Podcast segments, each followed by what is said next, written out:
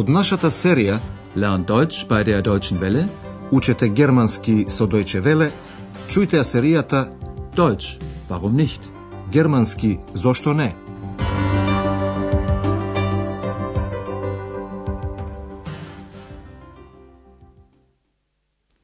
Драги слушателки и слушатели, денес ќе слушнете третата лекција од серијата 3 со наслов Ке ме земеш со тебе? Нимсту мих мит? Во втората лекција ги запознавте главните личности на курсот. Најпрвин Фрау Берга, управителката на хотелот Европа. Ich bin hier die Chefin, die Hotelchefin vom Hotel Europa. Потоа ја запознавте невообичаената Екс, женската фигура од фантазијата. Ex ist mein Name. Ich bin eine Dame. Третата личност е Андреас Шефа. Тој работи како портир во хотелот Европа. Освен тоа, тој студира и новинарство. Внимавајте на глаголските наставки за прво лице еднина во презенс. Е. Е. Кај глаголите arbeiten и studieren. Ich bin Andreas Schäfer, arbeite als Portier und studiere Journalistik. Хана работи како собарка во хотелот Европа, каде што се одвива действото на курсот. Ich bin Zimmermädchen im Hotel Europa. Како и во многу други хотели и во хотелот Европа има еден постојан гостин. Тоа е господинот доктор Тюерман од Берлин. Also, ich bin Gast im Hotel Europa. Normalerweise lebe ich in Berlin. Сега ќе слушнете една друга сцена од хотелот Европа. Петок навечере, Ана Андреас, предстојниот викенд му е слободен. Тој се поздравува со Фрау Берга и Хана. Внимавајте на следните прашања. Каде ќе оди Андреас за викендот? Што сака Хана? Also denn, schönes Wochenende, Frau Berger. Danke gleichfalls. Und viel Spaß in Brüssel. Danke. Was? Du fährst nach Brüssel? Ja, ich habe dort einen Termin. Sag mal, fährst du mit dem Auto? Ja? Ich möchte eine Freundin in Brüssel besuchen. Nimmst du mich mit? Na klar. Morgen früh um acht geht's los. Ich hole dich zu Hause ab. Das ist toll. Vielen Dank, Andreas. Tschüss, bis morgen. Bis morgen. Андреас за викендот ќе оди со автомобил во Брисел, а Хана сака да посети таму една пријателка. Значи, двајцата ќе патуваат заедно. Слушнете ја оваа сцена уште еднаш внимателно. Андреас се поздравува со Фрау Берга и ја пожелува пријатен викенд. И па тогаш, пријатен викенд, Фрау Берга. Also denn, schönes Wochenende, Frau Berger. И Фрау Берга му пожелува на Андреас пријатен викенд. Благодарам исто така. Danke gleichfalls. Бидејќи таа знае дека тој ќе оди во Брисел, му пожелува убав престој. Фил шпас во Брисел. Und viel Spaß in Brüssel. Хана така дознава дека Андреас ке патува за Брисел. А точно таму сака и таа да оди. Но тоа не го кажува веднаш. Најнапред прашува, што, ти ќе одиш во Брисел? Was? Du fährst nach Brüssel? Андреас ја објаснува причината. Имам закажано еден термин таму. Ich habe dort einen Termin. Брисел, главниот град на Белгија, се наоѓа на отприлика 120 километри оддалеченост од Ахен. Хана се распрашува дали тој ќе патува со автомобил. Sag mal, fährst du mit dem Auto? Хана сака да посети една пријателка во Брисел. Таа го прашува Андреас дали тој ќе земе со себе. Ich möchte eine Freundin in Brüssel besuchen. Nimmst du mich mit? Тоа за Андреас се подразбира, па сигурно. Тој на Хана и го кажува времето во кое ќе тргнат. Утре ќе појдеме во 8 наутро. Na klar. Morgen früh um acht geht's los. Андреас ќе ја земе Хана од дома. Ich hole dich zu Hause ab. Хана се заблагодарува и се поздравува. Das ist toll. Vielen Dank, Andreas. Tschüss, bis morgen. Следното утро, како што беше договорено, Андреас ја зеде од дома. Сега двајцата седат во автомобилот. Не поминаа многу кога ги сопре полицијата. Концентрирајте се на прашањето. Зошто мора Андреас да плати казна од 80 марки?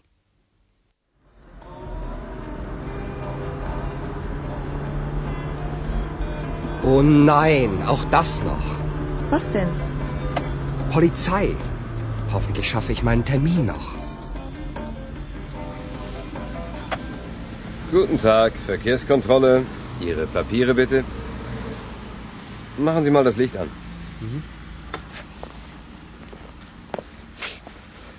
Okay, alles in Ordnung.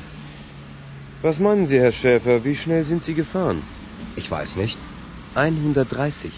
Das ist gut möglich. Sie dürfen hier aber nur 100 fahren. Haben Sie das Schild nicht gesehen? Nein. Tut mir leid. Tja, das hilft Ihnen nichts. Das kostet Sie 80 Mark.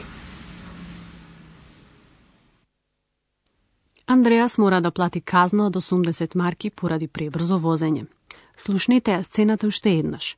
За време на возењето, Андреас ќе биде запрен од полицијата. Полицаи. Oh nein, auch das noch. Was denn? Polizei. Тоа го лути и вели на Хана.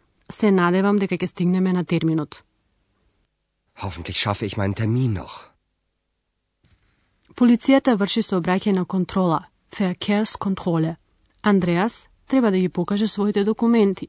Тоа значи дека тој треба да ја прикаже својата возачка дозвола и сообраќајната книжка за возилото. Guten Tag, Verkehrskontrolle. Ihre Papiere bitte. Полицијата го проверува автомобилот поради можни технички недостатоци. Затоа ќе побараат од Андреас да го вклучи светлото. Machen Sie mal das Licht an. Но со автомобилот на Андреас се е во ред. Okay, alles in Ordnung. Дури и во понатамошниот тек на разговорот, Андреас ке дознае зошто го сопреле. Полицаецот го прашува Андреас. Што мислите, хер шефа, колку брзо возевте? Was meinen Sie, Herr Schäfer, wie schnell sind Sie gefahren? Бидејќи Андреас не внимавал на тоа, полицаецот му вели дека возел 130 км на час. Полицаецот продолжува. Тука смеете да возите само 100 км на час. Ich weiß nicht. 130. Sie dürfen hier aber nur 100 fahren. Полицаецот потоа го прашува Андреас. Не го видовте знакот? Haben Sie das Schild nicht gesehen?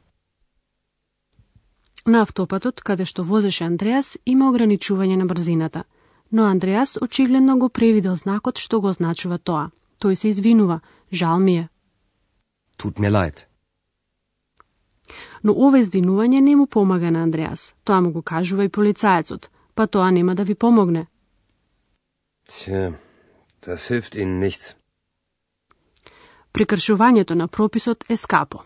Тоа ќе ве чини 80 марки. Das kostet Sie 80 Mark. Сега ќе разгледаме една посебна група на глаголи. Тоа се деливите глаголи.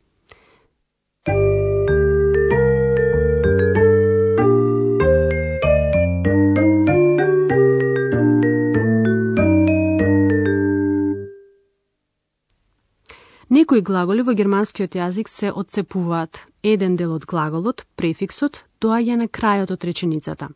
Слушнете еден глагол со префикс mit во инфинитив. Mitnehmen. Mitnehmen. Слушнете сега три примери. Најпрвин ќе го слушнете глаголот во инфинитив, а потоа во реченица. Ке започнеме со вклучува. Anmachen. Anmachen. Machen Sie das Licht an. Слушнете го сега глаголот пречекува. Abholen. Abholen. Ich hole dich zu Hause ab. А сега глаголот сема со себе. Mitnehmen. Mitnehmen. Nimmst du mich mit?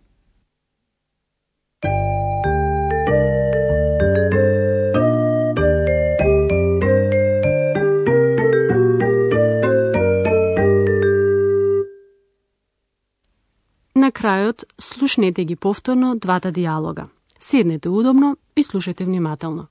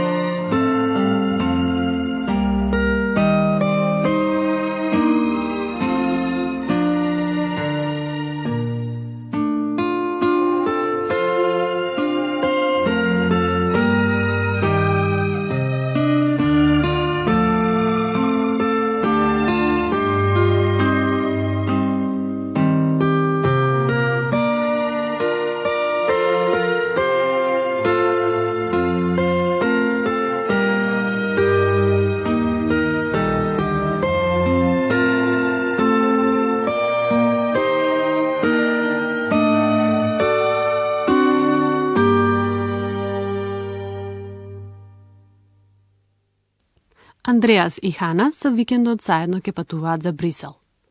Also denn, schönes Wochenende, Frau Berger. Danke gleichfalls. Und viel Spaß in Brüssel. Danke. Was? Du fährst nach Brüssel? Ja, ich habe dort einen Termin. Sag mal, fährst du mit dem Auto? Ja? Ich möchte eine Freundin in Brüssel besuchen. Nimmst du mich mit? Na klar. Morgen früh um acht geht's los. Ich hole dich zu Hause ab. Das ist toll. Vielen Dank, Andreas. Tschüss, bis morgen. Bis morgen. На патот ќе бидат запрени од страна на полицијата.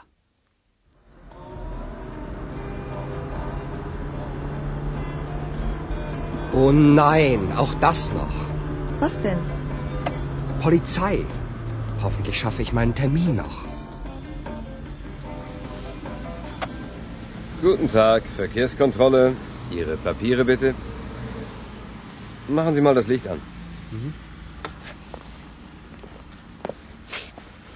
Okay, alles in Ordnung. Was meinen Sie, Herr Schäfer, wie schnell sind Sie gefahren? Ich weiß nicht. 130. Das ist gut möglich. Sie dürfen hier aber nur 100 fahren. Haben Sie das Schild nicht gesehen? Nein, tut mir leid. Tja, das hilft Ihnen nichts. Das kostet Sie 80 Mark. До следниот пат во хотелот Европа. До слушање. Тоа беше германски Зошто не? Радиоговорен курс на Херат Мезе во продукција на Дојче Веле и на Гетовиот институт од Минхен.